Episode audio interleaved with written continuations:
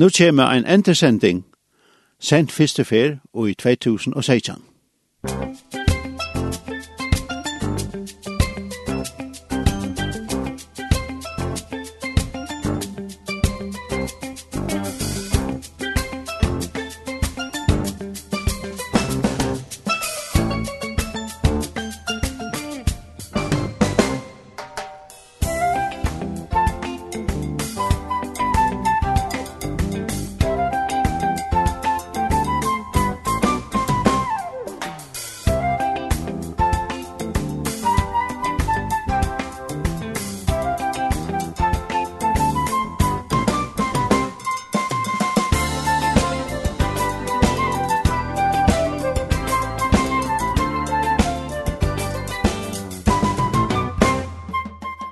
har vi finnet en gjest i utvarsjonen, og det er Påle Jakobsen. Velkommen, Påle. Takk for det. Nu vet vi at oss om mannen Jesus som brøtte alla hemsövna. og at det er hvor kom til Jesus lærer, hvor vet han eget og hvor måtte han dødja. Det er något tog som, som har nevnt i for Fripola at, at det hever gott det finnes noen av sånne her ting kunne fram och ganska börja vi kvui, Hvor kom Jesus. Ja, det er en um, veldig tøyende spørninger. Det er kanskje en av mest tøyende spørninger man kan sette seg i høver. Ja. Tøy, um, at hos om kristendom, og tås om uh, andelig høyd, og sånn at tås om spørningen hvor Jesus kom er nytte lest. Tøy, um, det er nemlig årsøkken til at Jesus kom som er sverige og på alt. Um, ta vi ta vi läsa skrifterna så söker vi till att eh i första Mosebok att människan faller synd och gör det inte här som god vill det men är att god långt och heja en frälsa atlan klara då och i människan fall Ehm att här till också riktigt och kunna kapera, ha? Jo, det är typ rätt. Ja. God säger från undan kvar för det hända ja. och valde tog jag skapa en lost, men det som är alltid fantastiskt. Ja. Det är att han gör det en så enfald lust. Jag säger inte han gör det en latta lost, jag säger han gör det en enfald lust. Ja, det som ödel människor kunde förstanda. Ja. Och ta emot. Och så är det ett annat som imponera meg faktisk Øystein Sinter, og til til jeg god hei bare øyne løst. Her var ønsken plan B. Så hvis du ikke teker til løsningene, så er det ikke alternativ. Va? Nei. Og det er faktisk det som Jesus Øystein eh, sier, lømmes vi han hos 1.6, kan han sier, er er veveren, sannløygen ja. og løyve. Eh, her er det ikke annars. Her er det ikke annars, det er bonde, ja. Ja, og ønsken kommer til ferien, og da vi mer sier han. Det er altså, det er ungen annar vever til feiren utan og jøknan Jesus. Jeg tror øyla tøtningar mykje at det er bare en vever god. Ja. Ja. Det er det som Bibelen understryker øyla grøyt. Ja. At det er bare at han øyne veveren, det er bare at han øyne løsnen. God hei og en plan, og til teget av livet, så, så det så gjør det hvordan det er. Ja. Så hvor måtte Jesus komme? Jo, det er hovedsakelig at vi at menneskene fall, og fyrir jeg bjerga menneskene etter, så måtte god sende omkran at bjerga henne. For hun kunne ikke bjerga seg selv. Til å komme inn og, kan man si at dere kom inn som støvlig etter som har det? Absolutt, absolutt. Ja. Ja. At det er forhold vi god som menneskene heier. Ja. Det er støv og iver for god som menneskene hei. Og tar man tar som så tar som alt sint, og tar virkar eller gammaldags eller så, ha? Ja. Alltså, det är ju synd som ger om definition på synd. Ja, det är imiska definitioner, men i stora höjla märker det ju att inte att um, räka att här mali eller nå att här punkter som god vill, eller vara utanför det här som, som god vill. Det vill säga, i botten grund är det här att göra emot Guds vilja synd. Ja. Um, det kan sikkert det rent teologisk færre upp vi kvart årene mest men men stor höjler er det drejas ju. Ja, men jeg husker mer om vi som lustar eller att lustar kan kan jag huxar synd hva er det er det altså man gjør skaft hva er det synd ja. Ja, altså det är så som är så ikke da, så er det tve ting det är det är pastvois eller det er mellan anna, det här gjerer vi gjerer, som inte är utravet här som god vil, det alltså utravet Guds vilja. Mm um, som på en eller annan hatt eller en eller annan hatt er i møte tog som god vil at vi skulle gjøre. Men hinveien så er sint møyren til, til øsne og natura. Og vi blant oss har øsne til at Jesus kom og teka borster sinte nær, tja atlan menneskjon, men han, det stender øsne at han kom og teka borster sint, eller sinte na. Ja. Så hans herre versk av Golgata Krosset løste ikke bæra gjerningsspurningen, det vil si at du får fire gjerning for alt det som du hever gjørst, men hun løser øsne naturspurningen til at du natura innvendige ved to brøyter. Ja, det er jo et onter. Ja, og det er det som er moneren faktisk, i middelen til gamla testamentlige offrene, som jo var bøylet på at Jesus skulle komme, og til at Jesus selv var døy. Ja. Jeg brever at nu tåsar om til at det som ble av bokken og kalven og så var jeg ikke kunne tog jeg at her rensa i bæra til en utvortes røgnløk, at jeg dekka i bæra sindene, gjerna, ja menneskene i gamla testament. Det kunde Jesus gjøre vi synen blåa, ja. vi til at han renser okra samvisko, fra deg og verskene. Ja. Så det er, det er faktisk den store månen i halte, jeg vet ikke om du har siteret det, men i halte, og i det som øyne stender så vel, og i i Rombraunen kapittel 8, hver han sier at det som loven ikke var ment å gjøre, vid at hon var måttleis av holden hon, det gjør det jo god sjolvåra, da han sendte sånn som en lykon sint i en holden, og fyrt sint, og domfellte sinten i holden. Det er altså god gjør det det som loven ikke mekna i. Ja. Vi er brøyda mennesker, ikke bare at rønsa deg, og, og fyrirgjøy at høyre gjerer, men han fyr inn i i, i menneskene og brøyde menneskene ut til løt og ta teker med Jesus, ja. Ja, det her er fantastiskt. Og, og det stender nok snakk om blå, utan blå er uttelt. Og... Ja. Det er bare sint og blå og alt det der her er fyrir okkon nutvigar mennesker virkar hettar sindur kanska makabost på somme. Men det er faktisk trobeløgjen ui okkara samtøy til det at vi hever vi kvart trobelt vi er skilja, at et offer skulde til fyrir jeg bjerg okkom fra sint. Mm. Og Bibelen tåsar jo grøyt om det i brevbrannan at utan blåver uthelt fast ikke fyrir jeg fyrir sint, tog at tann, um, tann avløgjen som er av sindene, hon krever deia og anker måtte tog dødja for jeg betala prysen. Ja. Og det er det som god sjolver gjør det. Ja, det er offentlig, det er det sjolvant. Altså, ikke bare at god själv tog initiativet til å skapa en av løsene. Han var løsene själv. Han ja. betalte prisen. Og tog er det sig at det var inte någon nämn lösning, någon löst mm. men det var en øynfalt løsene Vi ödlen för en fri och. Um, Jo, men nu kom vi bara till uh, helt uh, alltså där man också om sig inte är jag syntar och det är en som var rätt, morals, man är kvar där och så så är en sån lista alltså, så inte efter hur stor lite syntar alltså visst vi ser Mor Teresa hon är skallar där uppe och Hitler är helt där nere och är ganska så där mitt och i tankemanna Men det är ju men men det är ju så att alla är syntar det är också samma skala när man är. Ja, i fyrir god Rombrau tror jeg tror ikke å ta samt at alle hava sinda. Ja, alle hava sinda. Og ikke bare at alle hava sinda, men de mangla eller fatta stort godt, sa. Ja. Og til her og i problematikken ligger, til er ikke om du gjør tversinder eller 200 synder for hans skuld.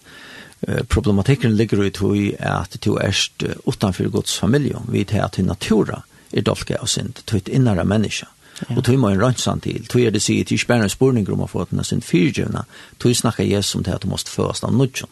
Det må yeah. et ombrøyde av din innere menneske til, uh, som gjør det at du kan komme atter i samfunnet av god.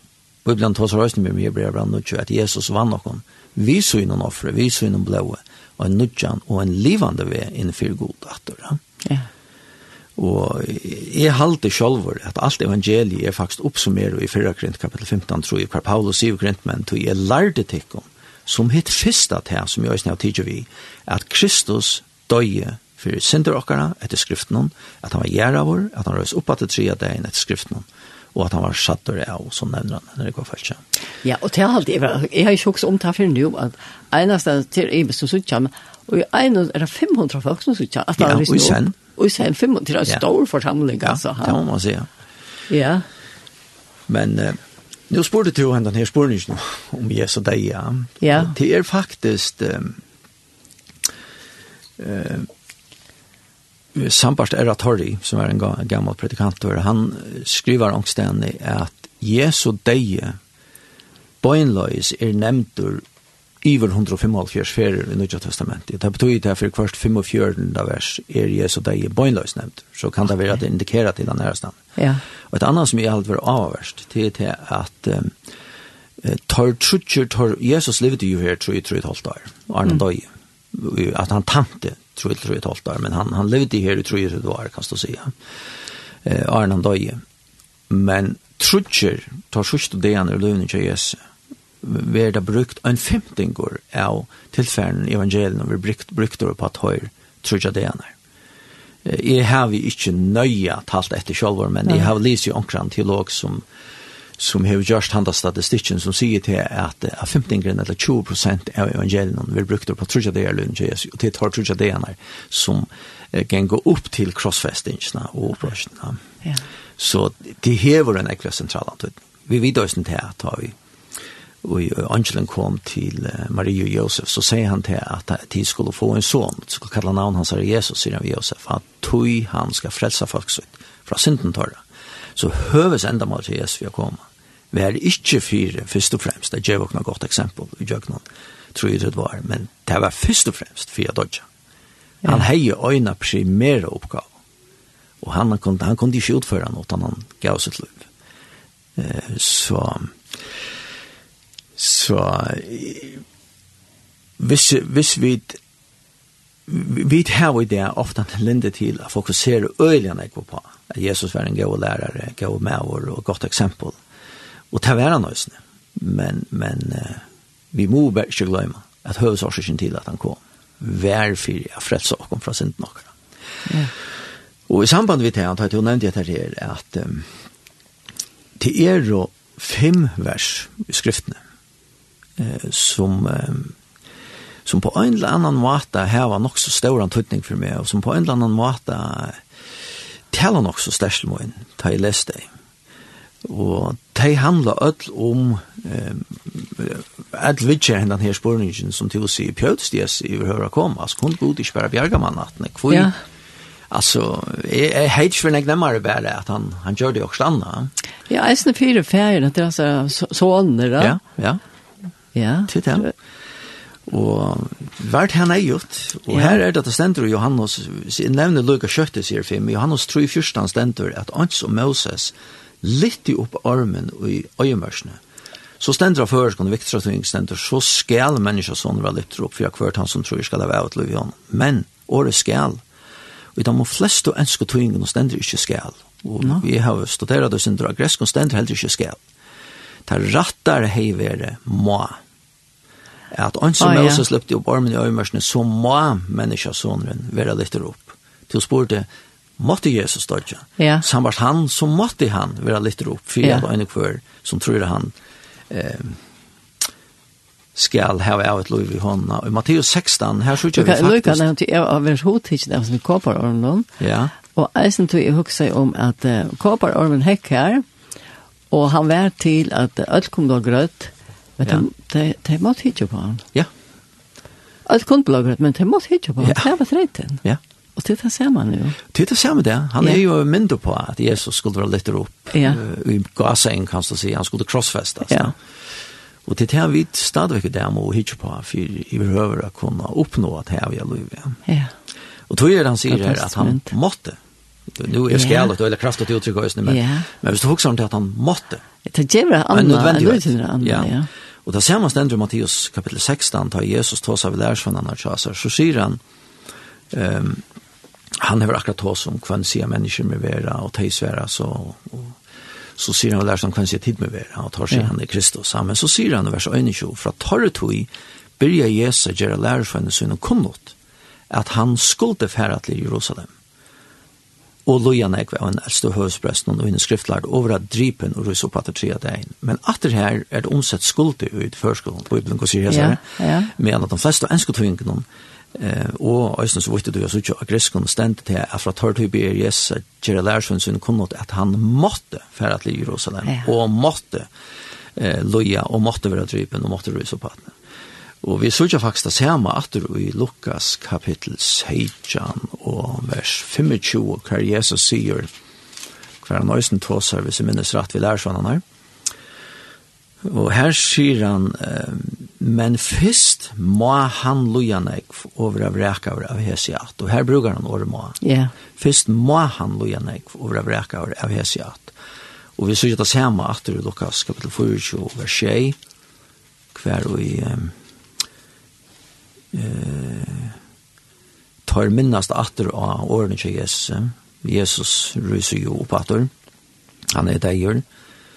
Eh, og tar få jo vi av vita fra enklene at han er ikke her. Han er risen opp minnest til, og han taler til tikkere.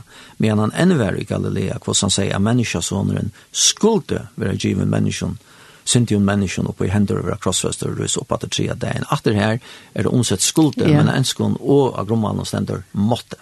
At han ble hokse framme, ja. måtte være given synte yeah. menneskene i hender og måtte dødja. Det er en måneder mittel at jeg skulle og måa, at ja. måtte, ja. Han var ikke tvinget til det, Nei. og i tannforstand at andre tvinget til det, Nei. men han, det var en absolutt nødvendig høyt hvis han skulle bjerga manna hattene, ja. så måtte han dødja. Det var en annen utvör. Mm. Lugga tids da sørste verset som stendt i Apostelsøn kapitel 16.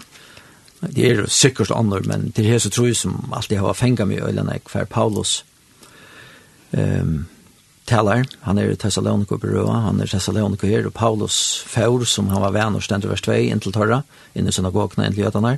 Og tror ikke sabbat her helt og samtaler vi tar ut fra skriften, og leie ut og vurste av Kristus måtte loja og røys oppbattene fra hinnom deg. Ja. Det vil si at Spurningen om måtte Jesus komme, sambart han, så var det nevnt fem for at han sier at han måtte, måtte. dødja. Ja. Så her er ungen, ungen ivi om at hvis vi i bjergjeng frelsa skulle komme til mannattene, så var ungen annar vever enn at Jesus måtte ja. komme. Det var så spurningen grunn for. Ja.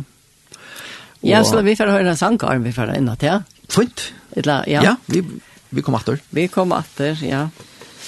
Vi får höra Heter du funnet Mercy fram i en butler? Jag hade för høre han.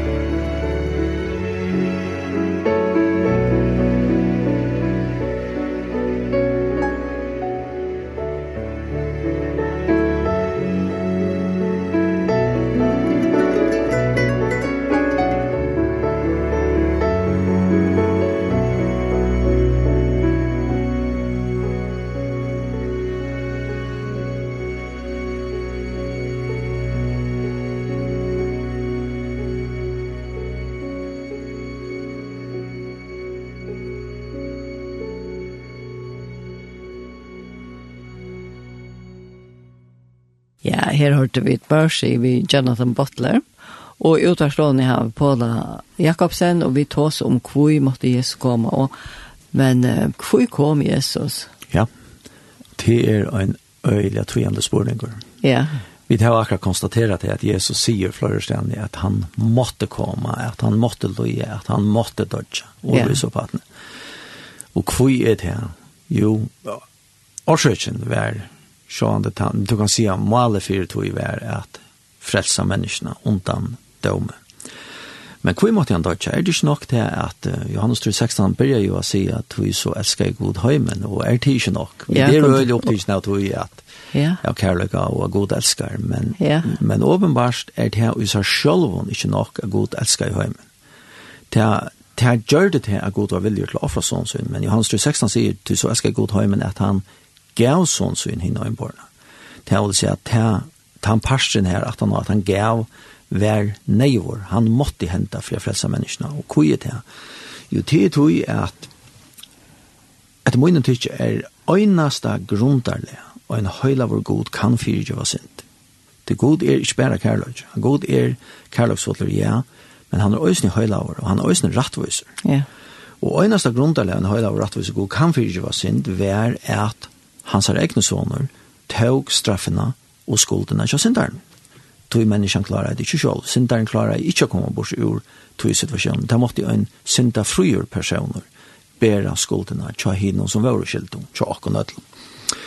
Det vil si at han kan ikke fyrirgjøve og enda få en syndere best tui at en menneske vender om etla skaparen av reformasjonen sin sinne liv. Det er ikke nok til at blå føtter av nødt. At også vi vilja, vi sunn vilja. Ja, vi sunn vilja, vi er gjerra gaua gjerra, etla vi er betra om sitt liv. Det er ikke nok til at to fast lot og i fredsversen av Jesus. Nei. Du, Johannes 16 sier også nu så jeg skal god heimen at han gav sånn sin hinn øynbarna.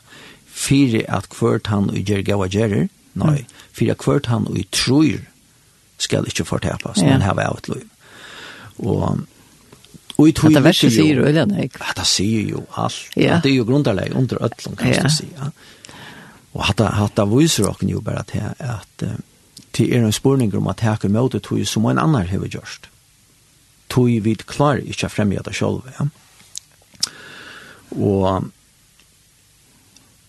tog er det jeg sier at menneskene stod i skuld og hon hei gjørst lauarbrot. Nu snakker ikke lauarbrot i samfunnlagslion forstande, men i Guds forstande. Hon er framt lauarbrot i for gode. Ja. Og tog var en skyldig, og etter vårt lauarbrot hever et krev om en rattvisa refsing. Ja, det er lukka som innbyggt og jeg kunne vi snakka henter her, om ja. anker gjer sin og enn at det må refsast. Ja. Ja. Og til pura naturligt. Ja. ja. Og jeg, jeg, jeg vil passande til at det er universalt. Altså, det er noe som, som er på naturlig, og det hender jo høysen her. Ja. Noen prøver å ta seg høysen til at lønne sin den gjør deg. Ja. Um, av lønnen av sin det deg, og her tar han primært om andre enn deg. Ja. Og då är det sig att han straffen, han skulden som människan stod i, hon måste gjaltast, och människan klarar sig gjaltarna själv. Tui sände god sånsyn, og teker av seg skuldena, og teker av seg refsingerna, tja människan. Jesus døg ikkje för sina egna synder. Det är han hejongar. Han var ju synda fröjer. Men han åtekur skär synderna och refsingarna, straffna och skulderna till människan och betala prisen och i människans det. Og tog kan god som er rättvisor og kærløksfodler, fyrirgeva og rønsa og yeah. enda få et kvart menneske som teker imot det i versen han er. Og at det er det er vesentlig at jeg teker imot det. Ja. Ikke bare vite det. Nei, det er ikke nok. Hva skal man så? du måste tacka med det. Du tog Johannes 3:16 säger att du så ska gå till hemmen att han gav son så in. Vi står punkten här. Så var det ju det. Så var det ordna. Så var det allt upp till god och så måste vi bara bo och söka kvar kvärt hänt ju kvosse men han säger till svenska god hemmen att han gav son sin in en bara för att kvart han som tror som sätter sitt all idag Og trygg vi er nekka aktivt nekka, det er ikke bare nekka til å sette det at du sier, ok, så er alt opp til god. Ja, alt er gjørst av gode, men nå er det opp til togjen at jeg har møter du og sier, ja takk, jeg tar ikke det til min trygg. Men på en, altså, og i jo at bare lærer det her, og i skolen og råkner vi at jeg kjenner til det her, men, å vite søvnene, og vite hva det er helt. Ja. Hva skal til meg? Ja, det er det at du fire gode bæra vi kjenner til at du kanst ikke frelsa deg sjølvan, og at du teker med Jesus Kristi versa Golgata, og du teker med til honom som tynne frelsare og herre. Det er ja. det som skal til, Det er at du trorst av han. Og takk for at det er fantastiske verset ja. som vi gjørst. Ja. Ja. ja.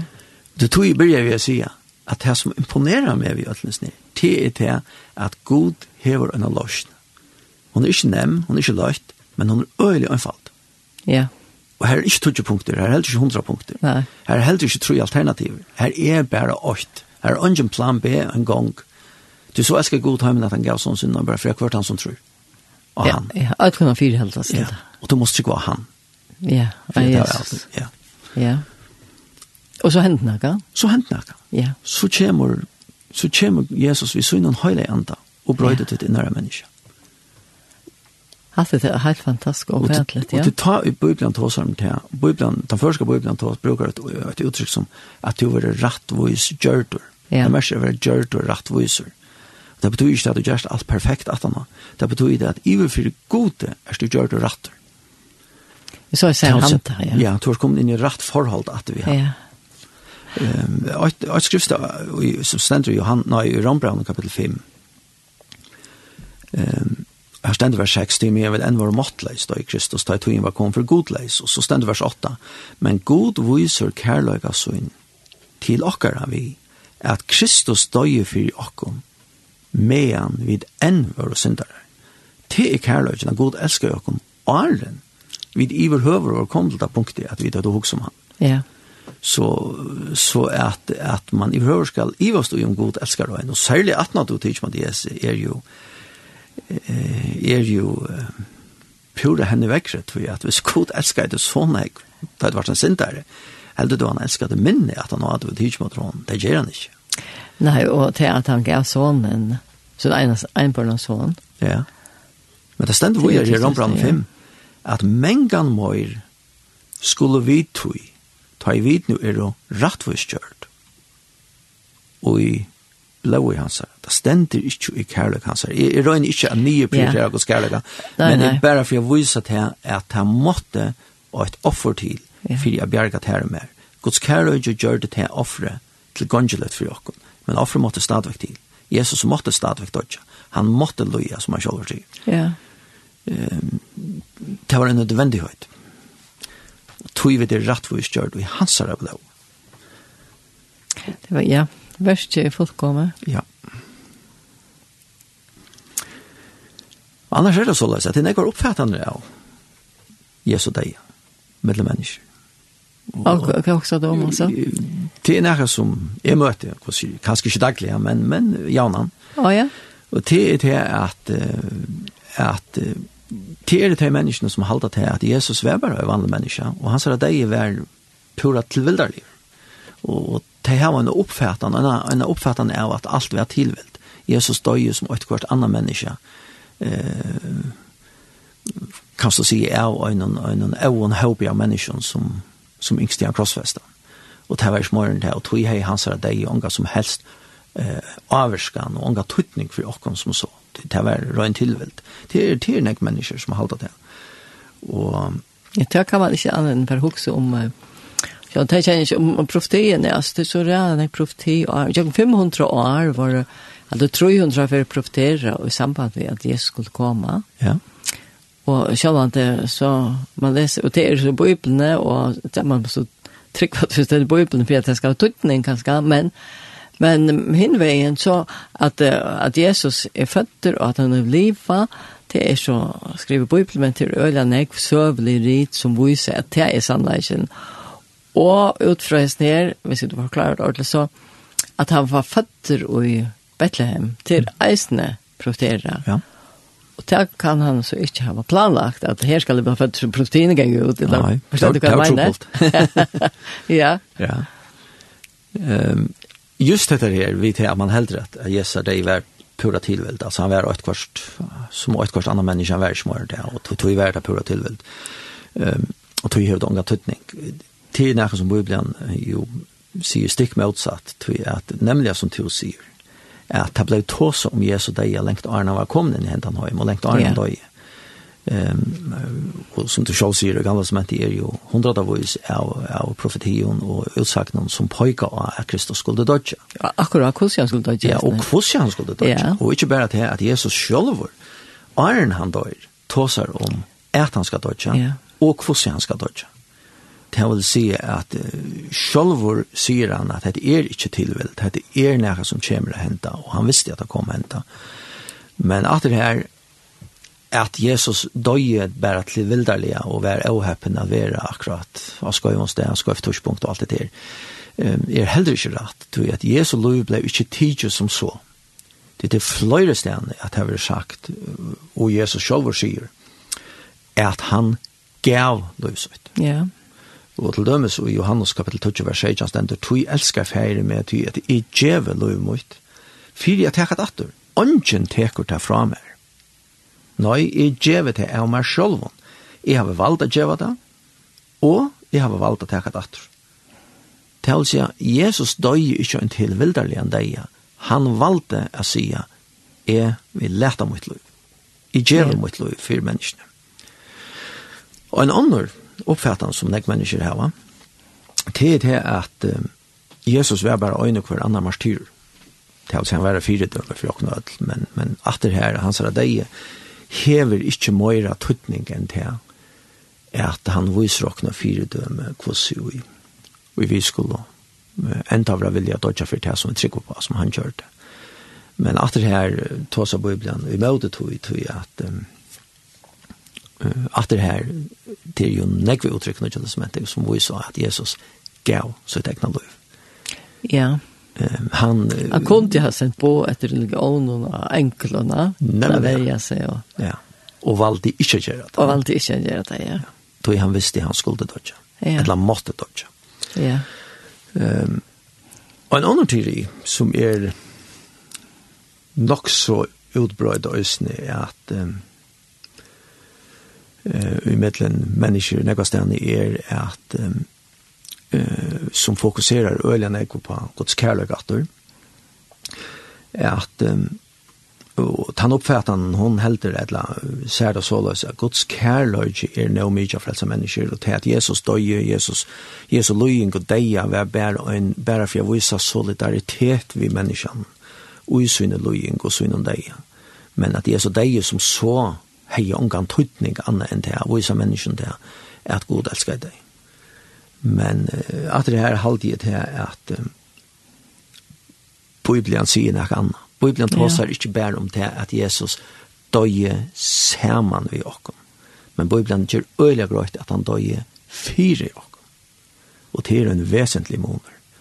Bibelen er jo egla grøy til at Jesus tåg okkara sted, det som vi burde færre i får han i jøknum. Fyra åkken fyrir yeah. kumlinga fru, ja. Og det er, det er jo det er nek av tog som er så fantastisk, det er at han sikrar jo av deg gjennom. Ja. Ja? Ja. Og det har hever helt langt gjort vi satt av her, fakta. Ja. Og Han leid deg igjen fyra åkken, og han sikrar jo at du sista futsindan og alt det stenter, ja. Så det er sikkert nekvar er oppfattande det, og Ja. Hvor Jesus døg, men, men den bibelske oppfattningen er så han, at Jesus døye, tog han måtte dødja, hvis han skulle yeah. bjerga menneskene.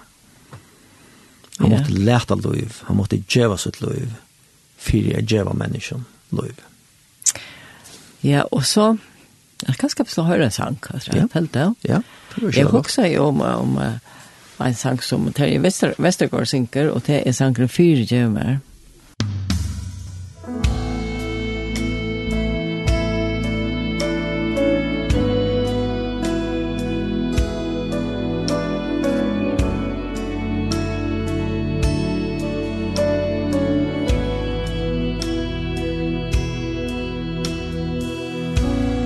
Fyre djøvnar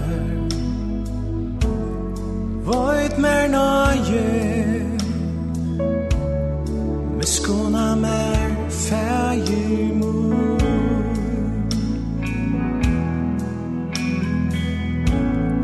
Tui er fat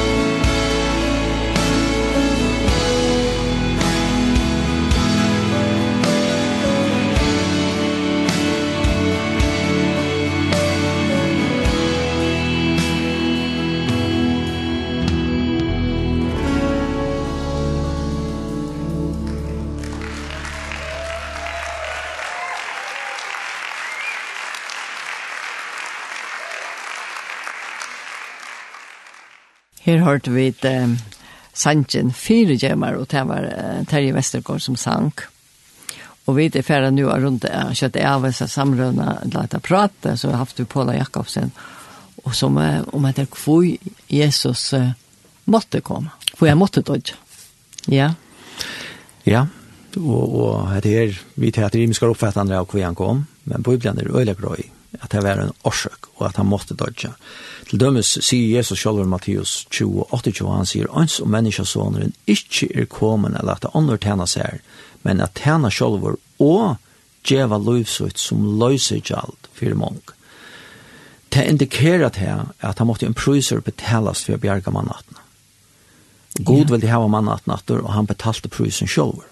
Jo, men at jeg akkurat hatt det verset, Jeg løser ikke alt fire munk, men ja. det er for ødel. Det er for ødel. Det er for ødel, ja. ja. Men du kan si at, det, at frelsan er, uh, hon er fire ødel, principiellt for alle mennesker. Ja. Men det er bare at de som tar i møte gavene, som opplever noe i praksis. Ja. ja.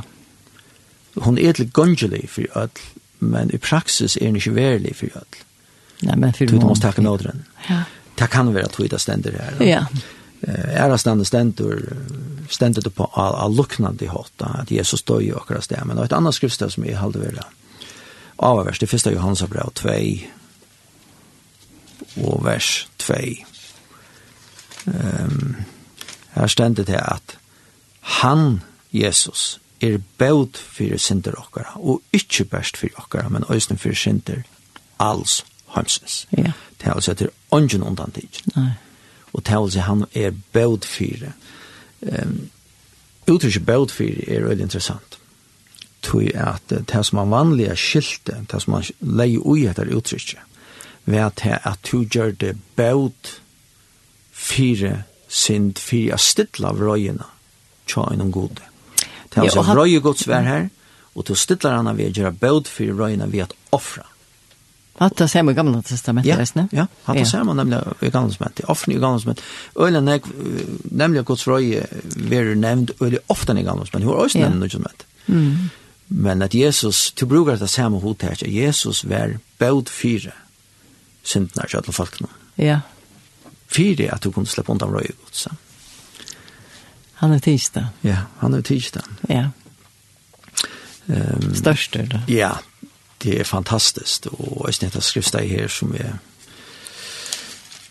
nok så ofte han den även ta i ta i tvås det er det som stender i Johannes 3:6 at han tror att sonen hur är ett lov men han är inte vill loja sonen skal ikke söka lov når nej vroj Guds förverande i honom det är så vroj gods er iver ødel menneskene, men ena som att jag släpper undan vröjen ju på är att här kan möta son til han er är tidig vröjen och Galaterbrevet 13, då så är det samme, um, ta i det stender om til at um, ja, når man så skal sitere det, så så glepp det var først.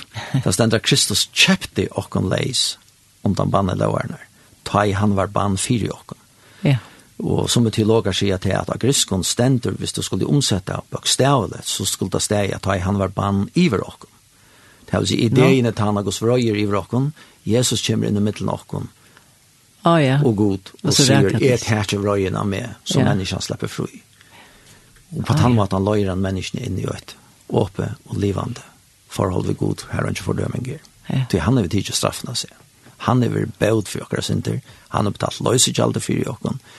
Och god kan på alla måter være rättvis för det. Han har selv betalt prisen. og Han kan si at det er rättvis för en människa inte finns det som dropper, Jo, men jeg har betalt prisen, sier han. Ja. Tog kan människa gänga fri. det Og ta er det eisen øyla tøytinga vi ikke, at okna seg til å ikke genga under eina fordøyming alla tøyna, men ja. tøy du erst fruir, ta er det tidsje mot Jesse, og han er tidsje alt han sier, ja. Ja, Ja, det er jo helt fantastisk. Ja, det er det. Ja. Så, men jeg, jeg har sagt flere for det her, at uh, vi bruker jo året syndabukker. Ja, nemlig, ja. Og det er eisen utpressning her vi at alle Det er velkjent uttrykk i, i nekvån samfunnet. Ja, ja, ja, det er vanligt. Ja. Og da husker om hva det er. Ja, det er nemlig kommet ur, ur Gamla Testamentet, under levende til dømes, at, at du tøkst en bok, og du leier hendene av han, og ja. du faktisk myndelige tala symbols iverførte syndene og men den her butchen, tog ble han en syndabokker, ja. og så ble han sleppt ut i øyemørsene til å si han bær syndene borster, tja, människa. Ja, och så får han längt bort. Ja. ja. Han är en mynd på och symbol på Kristus, eller på ja. Jesus. Och på samma måte så tog Jesus inte symbols men bokstavligt, Ja. Alla synderna av se, det blev lagt där av han. Ja. Och han bär där bort och säger så här. Ja. Och det att han tog synder och där i så här. Eh, eller bär, märker att han bär bort han bär där, han tog där, bär där bort till en hänvisning går till det som hände i sina borsen. Att han förde ut i mörsen när vi ötlades ner. Man kan se att det som hände rönt symbol så vidt att däcka i i visinterna av Jesus falsk, eller falsk i alla som hände generellt, inte bara Jesus falsk.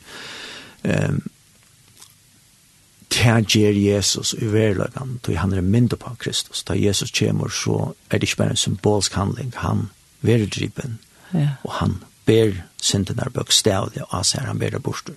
Tog er det vi kunne bli fri, ber vi at jeg kommer ut av honom. Og vi slipper fra at offra gjør, og hva det skal være. Til Jesus er offra for ena for fri. Ena for, ja. Jeg har alltid kom i øyla greit fram hvor Jesus kom og, og hvor han døye. Ja. Og han reiste opp at. Ja. Det er vi nå ikke langer der, men... Nei, skulle du kanskje enda vi øyne skriftsteg, bare at ja. jeg setter punktum. Yes. Jeg halte selv til en av de beste og største løsningene av Jesus i overhøver i samband med hans løsning og deg, at det sier oss tror jeg, hver det stender er at eh, han var vannverdur, folk ventet seg fra honom, med vår fotler av pøynen, kunne vi sjuko, han var som øyne folk fjeller anlite fire, vannverdur, vi råkna han for ønske, men, men, men, men, ta vår sjuker okkara, og i han bær, og ta var poiner okkara, og han leia seg, og vid hilde han var heimsøkt han slittnan plaven av gode. Det var seg årsaker at han hadde gjort nekka skøyft, men det var det ikke. Det var at vi hadde gjort nekka skøyft. Men han var skjærtor for brått okkara. Han var såra over for miskjør okkara. Straffen var løpt av han, så vi skulle hava fri. Han tog straffena, vi fikk fri en natt og fyr. Ja. Og vi sa han hans her, er vi grøt. Ja. Det er fantastisk. Det er helt fantastisk. Att här var profetera och tjejen roll trussar och Kristus var fötter. Är Jesus var fötter. Åh oh, ja. Det man kan inte säga en takk. Ja. Det er alltid ett stort år där. Ja. Og jag får eisen tacka her på honom för tok kom til till morgon och det så klart fra efter hvor Jesus kom. Ja, men så. Och hvor han måtte komma. Ja. Ja. Vi får enda vi en sanje som tog av allt. Ja til Andrew Crouch. I am not ashamed. Jeg skammest ikke ved evangeliet.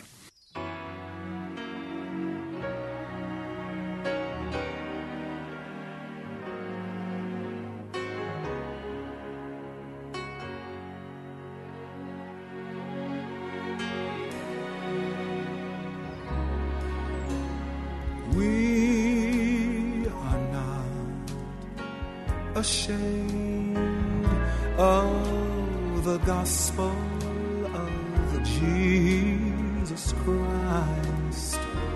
For it is the power of salvation.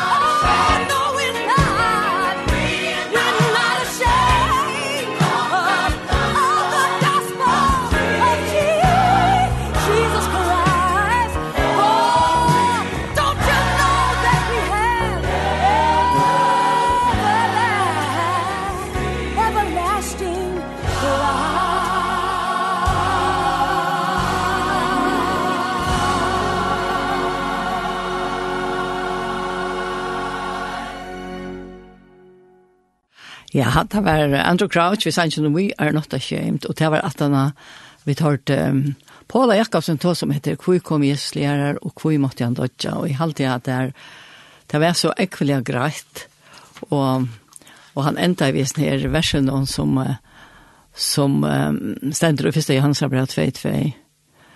Jesus er båt for synder okkara, og ikke bare for okkara, men, men eisen for synder alls heimsens. Så takk og vill takk som fyrir.